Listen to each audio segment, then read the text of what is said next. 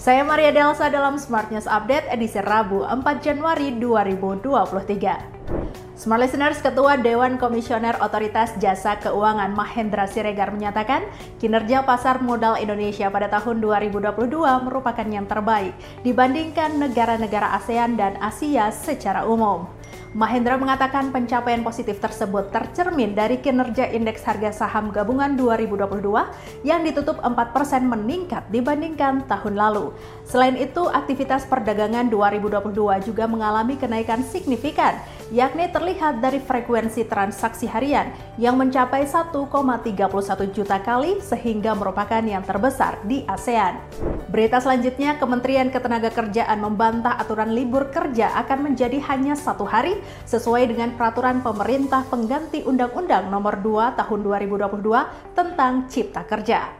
Dirjen Pembinaan Hubungan Industrial dan Jaminan Sosial Tenaga Kerja Kemnaker Indah Anggoro Putri memastikan aturan libur dua hari kerja dalam satu pekan tetap ada dan tidak dihapus. Indah menjelaskan aturan libur atau waktu istirahat dikembalikan sesuai ketentuan perusahaan, apakah satu hari dalam sepekan atau dua hari dalam sepekan, dengan catatan jumlah jam kerja tetap 40 jam dalam satu pekan. Berita terakhir, Menteri Kesehatan Budi Gunadi Sadikin mengatakan aplikasi Peduli Lindungi akan diterapkan ditransformasikan ke dalam platform Satu Sehat yang diluncurkan Kementerian Kesehatan pada Juli 2022. Budi menjelaskan platform Satu Sehat nanti tak sekedar untuk mengetahui informasi vaksin dan scanning oleh warga, aplikasi ini juga bisa mengetahui pelbagai rekam jejak kesehatan masyarakat yang menggunakannya.